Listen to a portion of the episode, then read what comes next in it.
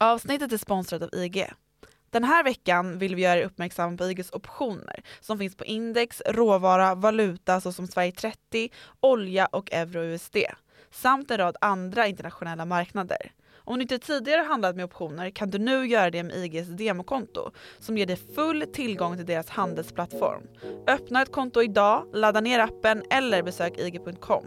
Men kom ihåg att handel med finansiella instrument alltid innebär risker.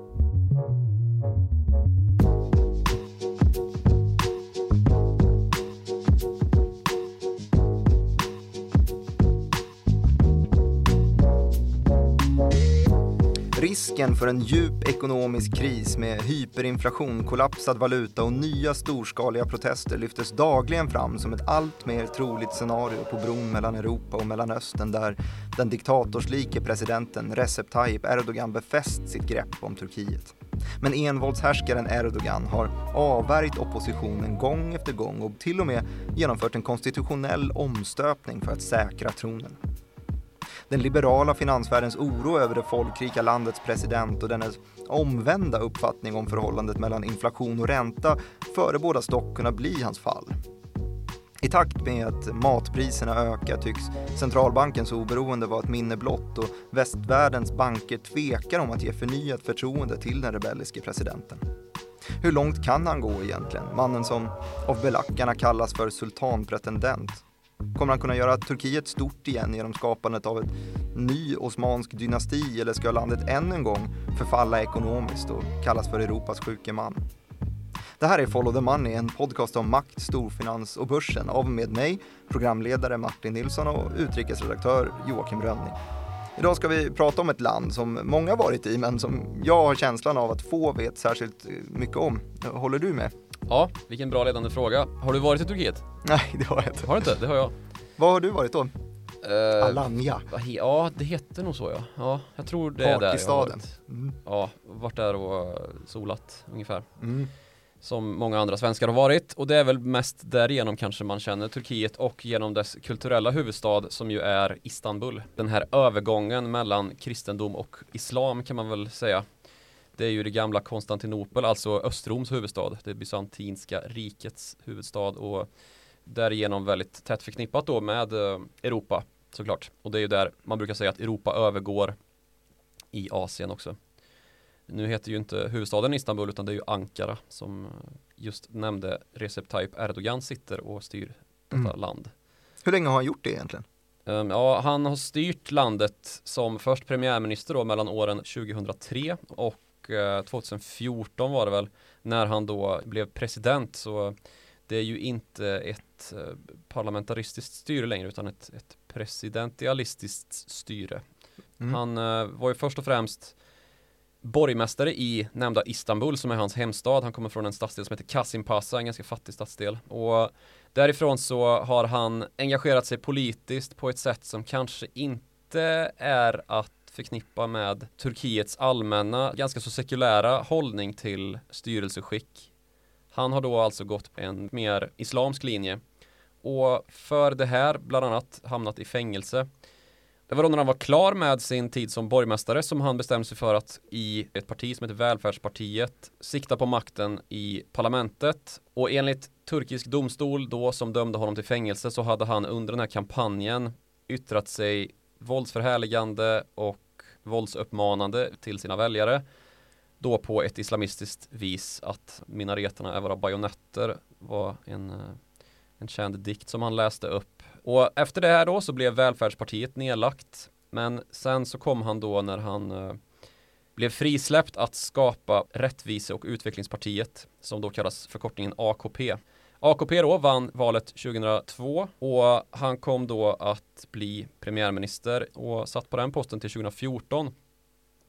Och därefter så har han ju tjänat som eh, Turkiets president och det gör han på grund av då att han har gjort om presidentposten från då att vara mer en ceremoniell inrättning till att bli den högsta makten.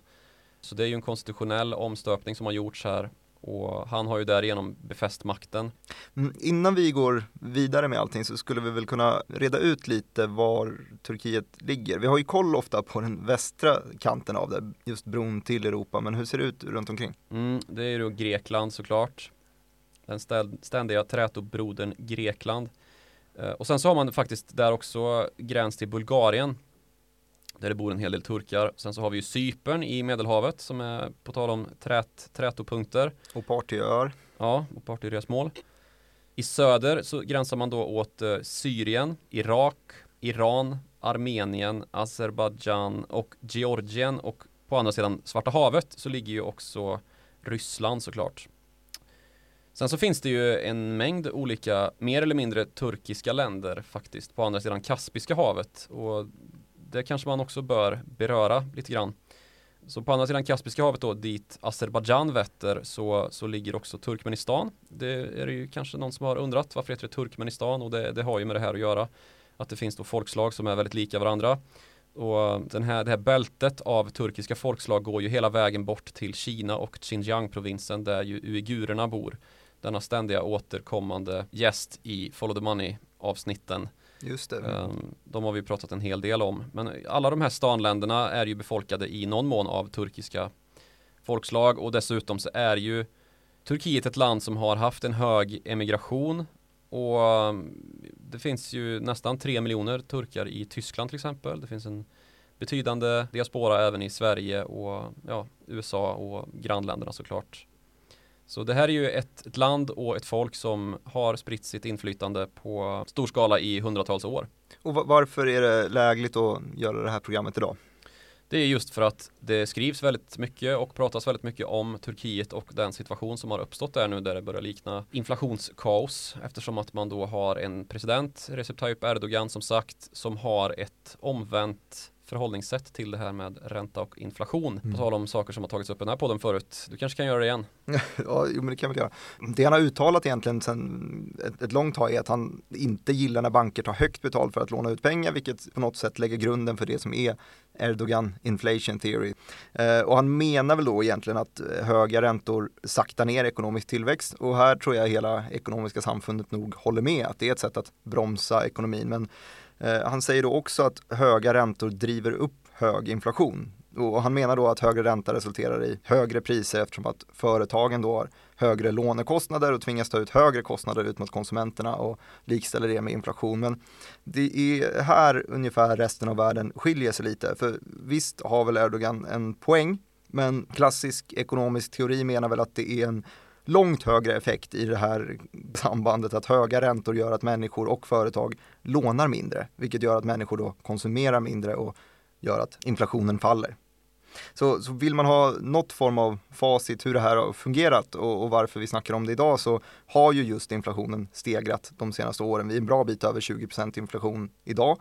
Och kollar man lite längre sikt, nu nämnde ju du att han har suttit på någon form av maktposition sedan ganska tidigt 2000-tal och kollar man på 2008 till exempel kostade en turkisk lira typ 5 kronor, idag kostar den 70 öre ungefär. Mm. Det här är ju inget nytt för Turkiet. Det har ju varit ett land med ständiga revalveringar för att inflationen har varit så glödhet att ekonomin har överhettats och liran förstörts mer eller mindre på den internationella marknaden så man har fått plocka bort lite nollor och börja om helt enkelt för att eh, det har varit svårt att handla med liran. Men det finns ju också en, en, lite märklig del just att man kan ha ett sånt inflytande över penningpolitiken för så brukar det ju inte se ut i, i länder. Man brukar ju ha en ganska strikt skiljelinje där mellan mm. Och det här är ju intressant då med Turkiet och Erdogan just att han har tagit makten över ett land som är väldigt sekulärt i grund och botten och har varit det väldigt länge. Men han är då skolad i en islamsk tradition och han har tagit makten över ett land som under lång tid har haft militären som sin allra viktigaste institution då för hur landet ska styras och hur landet ska garanteras sitt politiska styre. Och militärkupper är ju ingenting som Turkiet är särskilt ovana vid. Det har vi sett vid upprepade tillfällen, inklusive under Erdogans tid vid makten. Erdogan har då hänvisat till en predikant som i början av Erdogans premiärministerkarriär var lierad med honom. Och det är då predikanten Fethullah Gülen som Erdogan pekar på när han ska bortförklara. Och det finns ju naturligtvis konspirationsteorier som säger att nej det här är orkestrerat av Erdogan själv för att han vill knipa makten ytterligare då och binda militären till sig, alltså helt enkelt sparka ut och fängsla officerare som inte går på hans linje, som kanske är mer tillhörande den här sekulära styrningen av Turkiet som vi har bakåt i historien och då pratar vi ju framförallt kemalister som de kallas för tillhörande då partiet som kallas för CHP det republikanska folkpartiet Men han har inte fängslat just Gülen? Nej, han är faktiskt boende i USA av samma anledning att han nog inte är så sugen på att bli just gripen. Mm. Så han styr ju med sitt inflytande därifrån och tjänar som en motvikt då till Erdogans mer religiöst bundna hållning. Och då ska man säga att det, det är liksom en religiöst bunden hållning som Turkiet inte är vana vid om man ser bakåt i tiden då. Och Kemal då som är Kemal Atatürk som är Turkiets, det moderna Turkiets pappa kan man säga. Efter att Osmanska riket föll efter första världskriget så, så var det han som tog makten och gjorde Turkiet till den nationalstat det är idag. Och nu är ju den stora frågan då vad allt det här innebär som Erdogan ägnar sig åt med att befästa greppet, allt mer diktatoriska maktmedel att han dessutom har kommit att bli en betydlig nagel i ögat på det NATO som han ju ingår i genom eh, avtal som sträcker sig tillbaka till 1953 när Turkiet gick med i NATO. Dessutom så är ju Turkiet ett av FNs grundarländer, man är kandidatland till EU och ska ju därigenom vara nära allierade med just västländerna då. Här har ju Erdogan kommit att ses som en rebell i de politiska salongerna. För han har ju tvärt då vad NATO och EU stipulerar varit väldigt pigg på att stifta bekantskap med totalitära stater och försöka gå lite mer på att använda sig av deras handbok och kanske också alliera sig med dem för Turkiets ekonomiska säkerhet. Det här ser vi ju dels då som sagt genom Ryssland, man ser det i ett betydande engagemang i grannlandet Syrien. Vi ser det i Libyen dit man har skickat legosoldater som har rekryterats just i Syrien och som har anklagats då för att vara extremister. Och den här rebelliskheten kan väl också kännetecknas av att i Libyen där det ju pågår en inbördeskrigsliknande situation mellan den FN-stödda regeringen och krigsherren Khalifa Haftar där då Turkiet slåss på FN-regeringens sida som sagt och Ryssland stöder Khalifa Haftar istället. Så har vi också striden som är ständigt pågående i Nagorno-Karabach ju, som vi till och med har, ägnat ett avsnitt ägnat åt ett ju. helt avsnitt åt. Och det vet jag ligger där då, det är mellan Azerbajdzjan och Armenien, eller hur? Som, som ja, precis. Eller, om ett område. I något av länderna eller båda mm. kan man säga ett område som bebos av armenier men som ligger helt och hållet inuti Azerbajdzjan då. Och Azerbajdzjan som sagt är ju ett av de här länderna som är tätt förknippat med Turkiet eftersom det bor ett turkiskt folk där. Och här kan vi också ta upp en eh, ständig trätopunkt mellan många västländer och Turkiet då i form av det armenska folkmordet som skedde 1915 där Turkiet fortfarande hävdar att det var inget folkmord. Det var svåra omständigheter som gjorde att enligt Turkiet då ungefär 300 000 armenier omkom. Där det finns andra källor som hävdar att en, uppemot en miljon armenier mördades av Turkiet då. Så det, det är ju en eh, ständigt pågående konflikt om, om den saken som inte tycks somna in helt och Turkiet har som sagt vägrat gå med på att det är ett folkmord.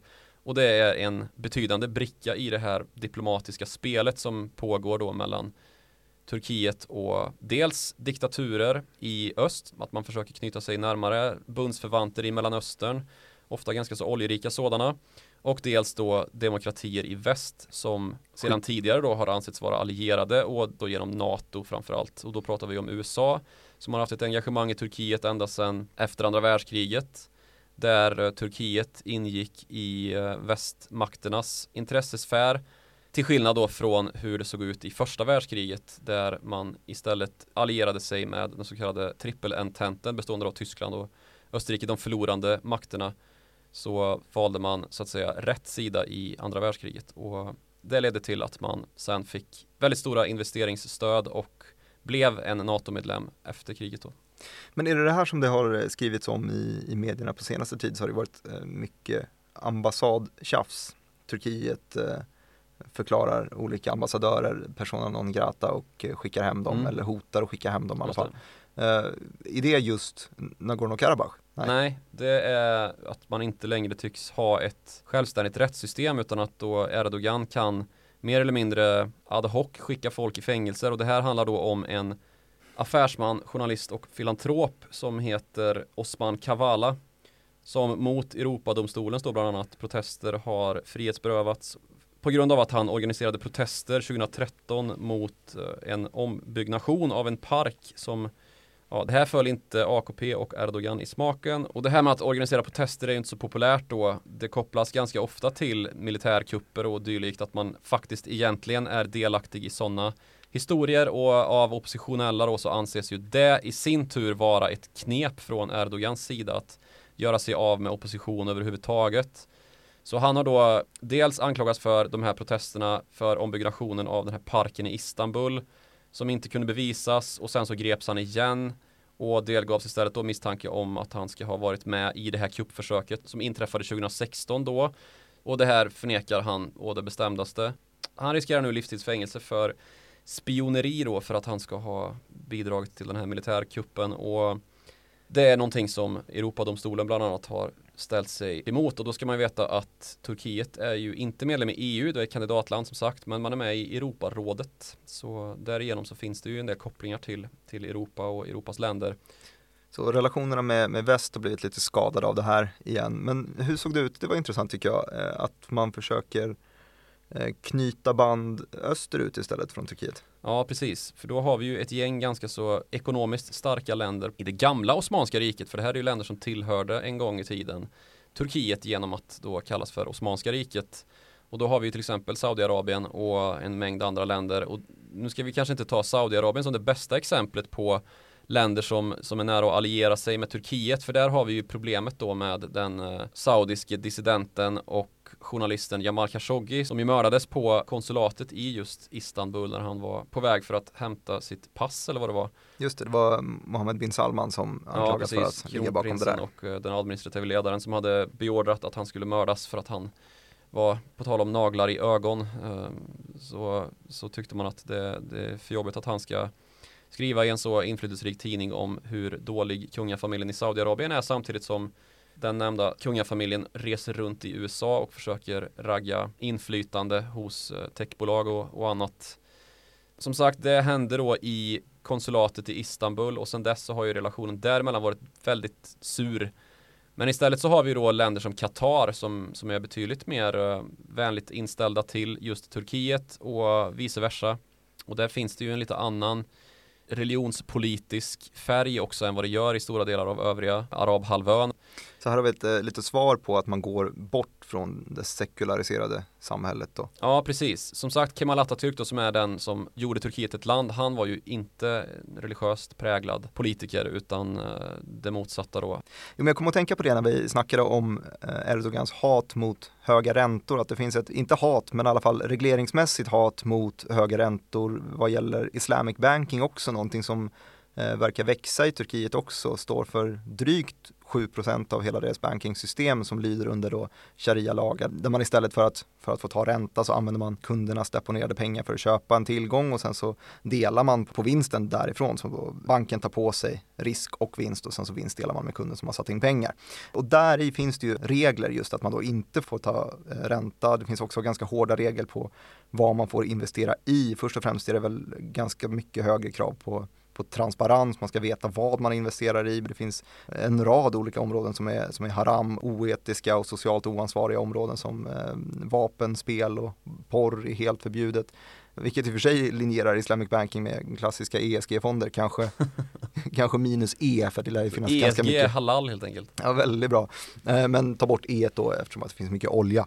Ja, eh, Även faktiskt krypto har fastnat i det här sharia-filtret såg jag. Turkiet var ute, deras sharia compliance team deklarerade att kryptovalutor är, man vet inte vad man investerar i, det är haram. Sjukt. Samma sak med Indonesien sa det bara häromveckan och sa att det här funkar inte för, för våra lagar i alla fall.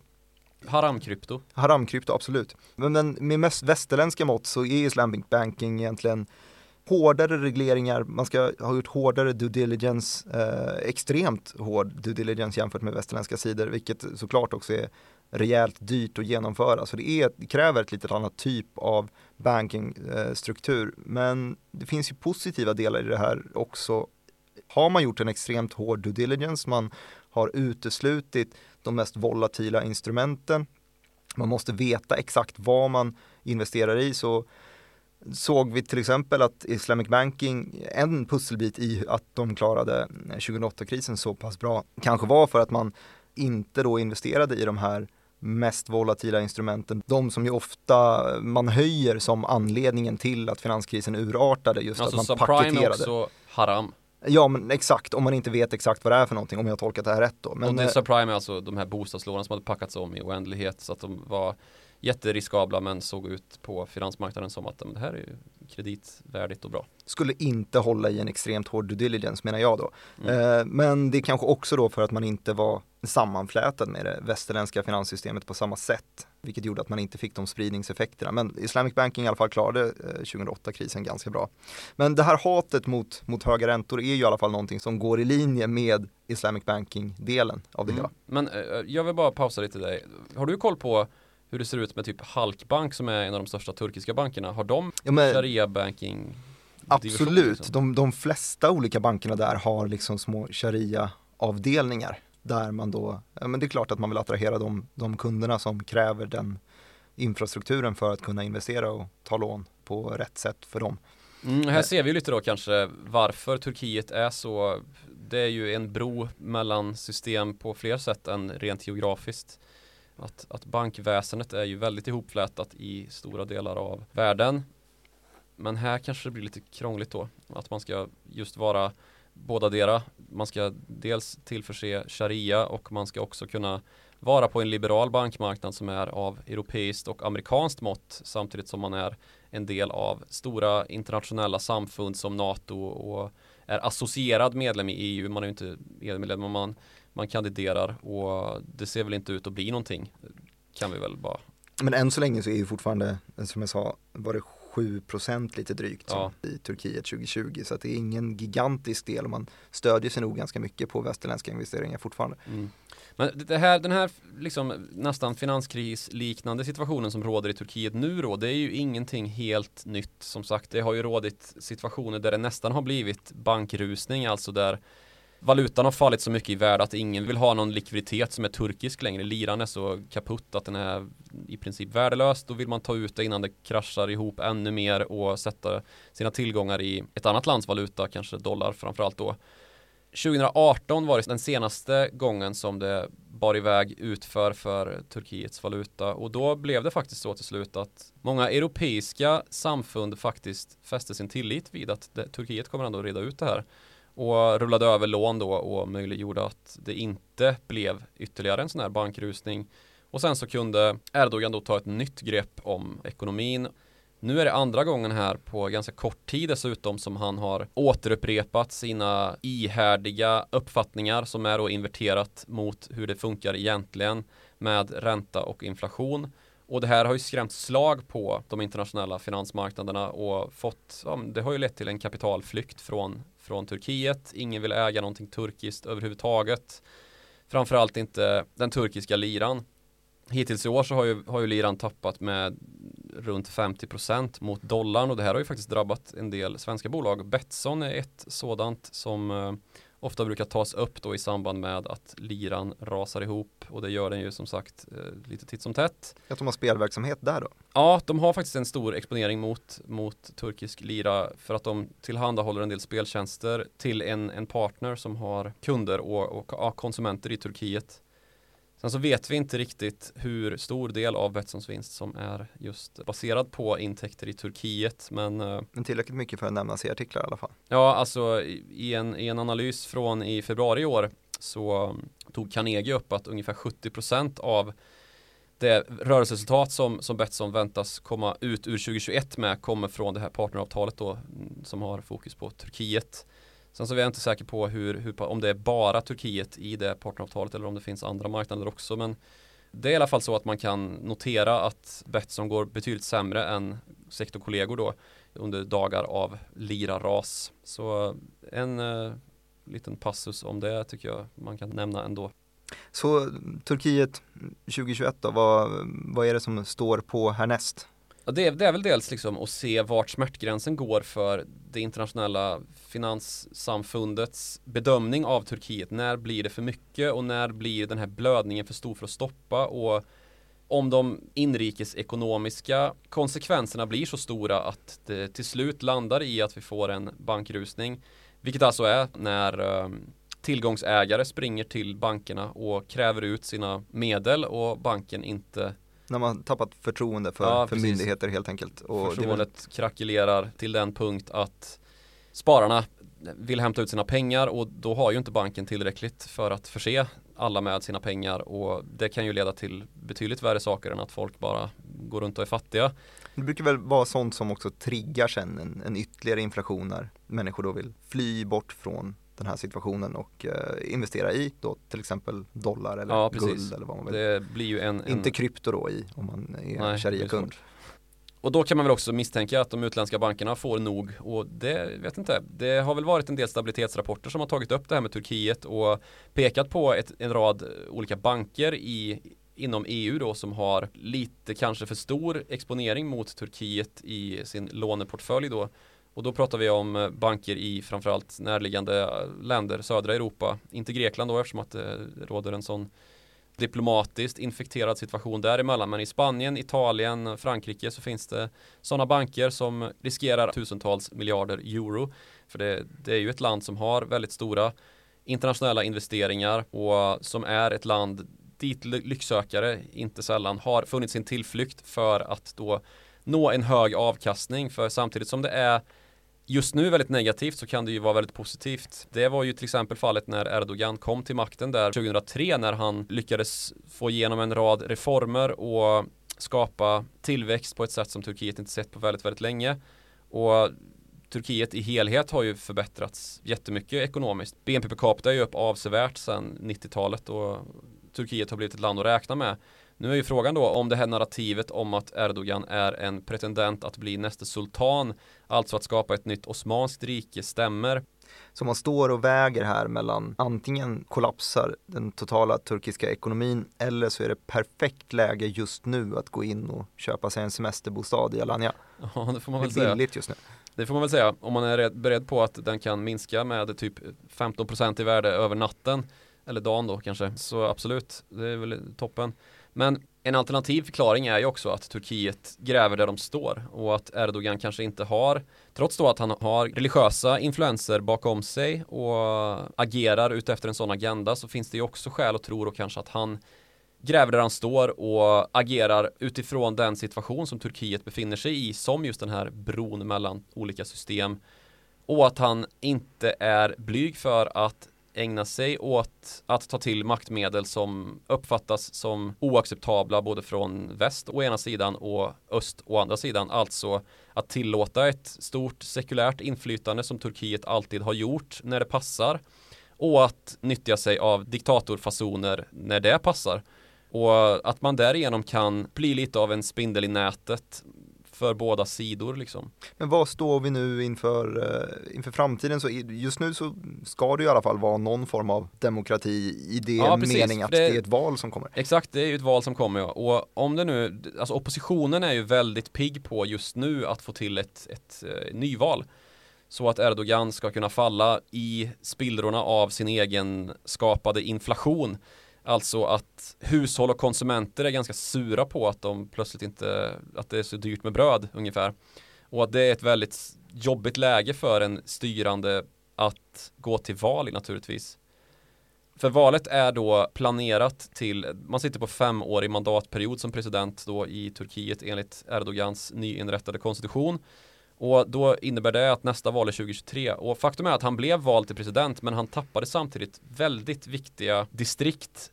Eller han, AKP tappade väldigt viktiga distrikt. Och bland annat då Istanbul och flera andra storstäder.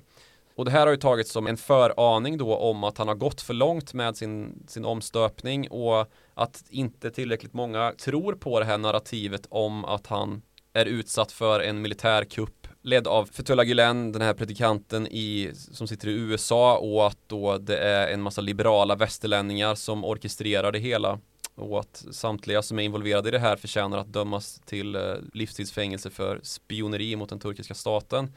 Tillräckligt många kanske inte tror på det narrativet och i så fall så hänger han ju löst. Samtidigt så vet man ju aldrig vad som kan hända i Turkiet. Det är ju ett val 2023 men om man skulle förlora det så, så kan man ju kanske inte heller veta hur det har gått nu med den här utrensningen som faktiskt har skett i militärled och dessutom i en hel del domstolar. För domstolarna var ju en annan gren av statsapparaten som rensades upp efter den här militärkuppen där då Gülen-anhängare eller potentiella Gülen-anhängare kastades ut eller till och med i fängelse.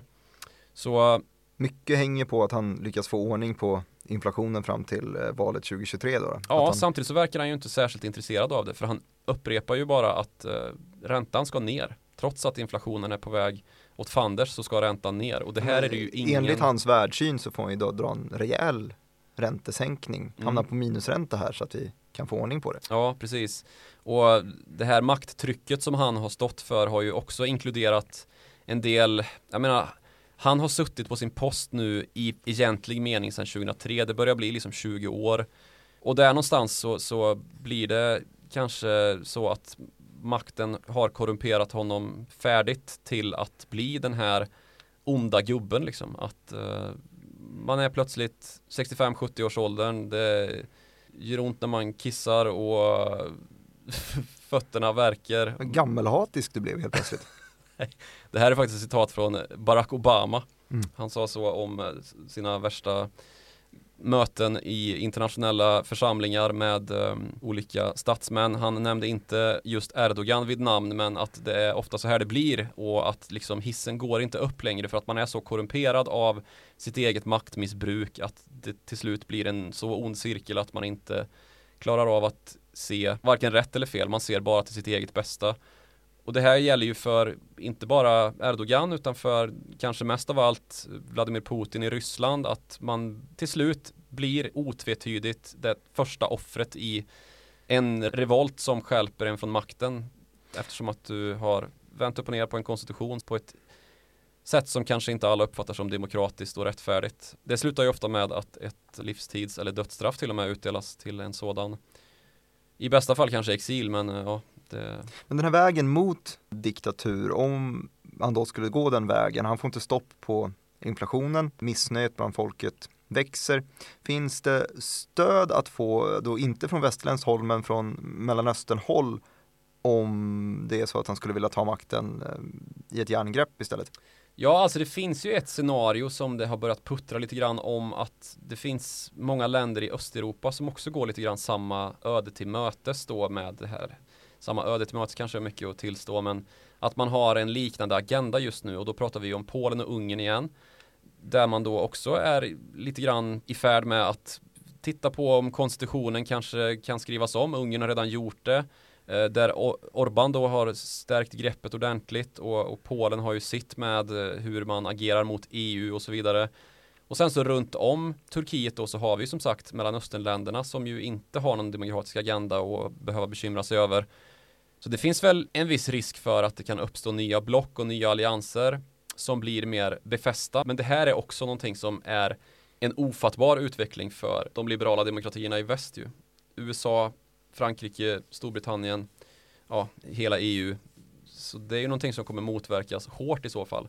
Och därför har man ju sett till då som till exempel genom Angela Merkel som var kanske ja, klok eller eftergiven nog att låta Erdogans flyktingutpressning som han genomförde under 2015-16 där när vi hade flyktingvågen genom Europa slutar då med att eh, ja, man betalade helt enkelt för att få stopp på att Turkiet öppnade gränsen mot Balkan och lät flyktingarna strömma in och att de oftast då nådde till Tyskland var ju anledningen till att Angela Merkel, just förbundskanslern i Tyskland, åkte till Ankara och förhandlade med Erdogan. Så han har ju hittills inte gått över gränsen trots att han har verkligen varit rebellisk och inte låtit sig kuvas på något sätt. Så kanske man ändå ska se det som att jag tror han gillar den här positionen som Turkiet har fått nu, att man kan agera självständigt uppröra båda sidor med eh, att ibland gå till mötes och ibland göra motstånd. Och att han helt enkelt utvecklar statsskicket utefter det då, så att han kan vara så rörlig som möjligt och fatta så korta snabba beslut som möjligt så att man inte behöver blanda in parlamentarism och sånt krångel som demokrati för med sig så att det blir någon sorts semidemokrati eh, som där man fortfarande har valurnor att gå till med jämna mellanrum men utan att det betyder särskilt Bara mycket. en lapp att lägga i. Ja, det finns ju fler lappar att lägga i men det är inte säkert att valutfallet gör så mycket skillnad. Liksom att, att presidenten har ju den absoluta makten i administrativa frågor så ja, han kanske bestämmer sig för att köra över valresultat och kallar det för fusk då. Som det, det har ju redan skett ehm, och det har ju varit omval. Jag nämnde de här 2018-valet där AKP förlorade en del viktiga distrikt. Det var ju efter ett extraval där man ansåg att just AKP hade fuskat. Så det råder ju lite av en hybridsituation mellan demokrati och diktatur i Turkiet just nu.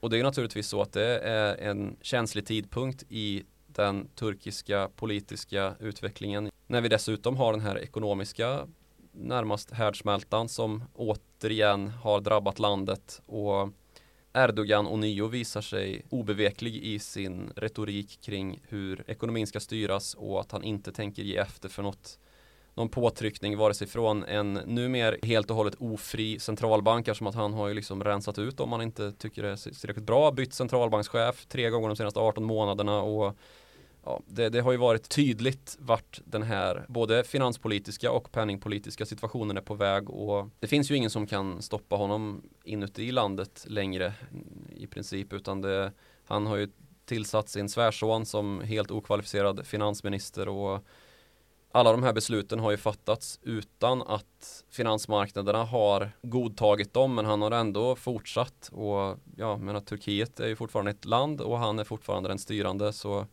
vi får helt enkelt vänta och se hur inflationen artar sig om han lyckas skapa en ny berättelse om att det är någon annan, alltså att det är de utländska spionerna som ligger bakom den här inflationen så kanske det funkar eh, att sitta kvar vid makten ytterligare då 2018 så, så var det ju en situation som ganska så mycket liknade den här senaste då med människorättsaktivisten och filantropen. Um, då handlade det ju om den amerikanske pastorn Andrew Brunson som uh, han fängslades också som uh, anklagad för spioneri och um, det här ledde till att USA införde, alltså då under Donald Trumps tid 2018 där så infördes då aluminium och ståltullar. Det var ju ett, ett, maktmedel som Donald Trump gärna hotade med eller faktiskt använde sig av mot eh, Turkiet då.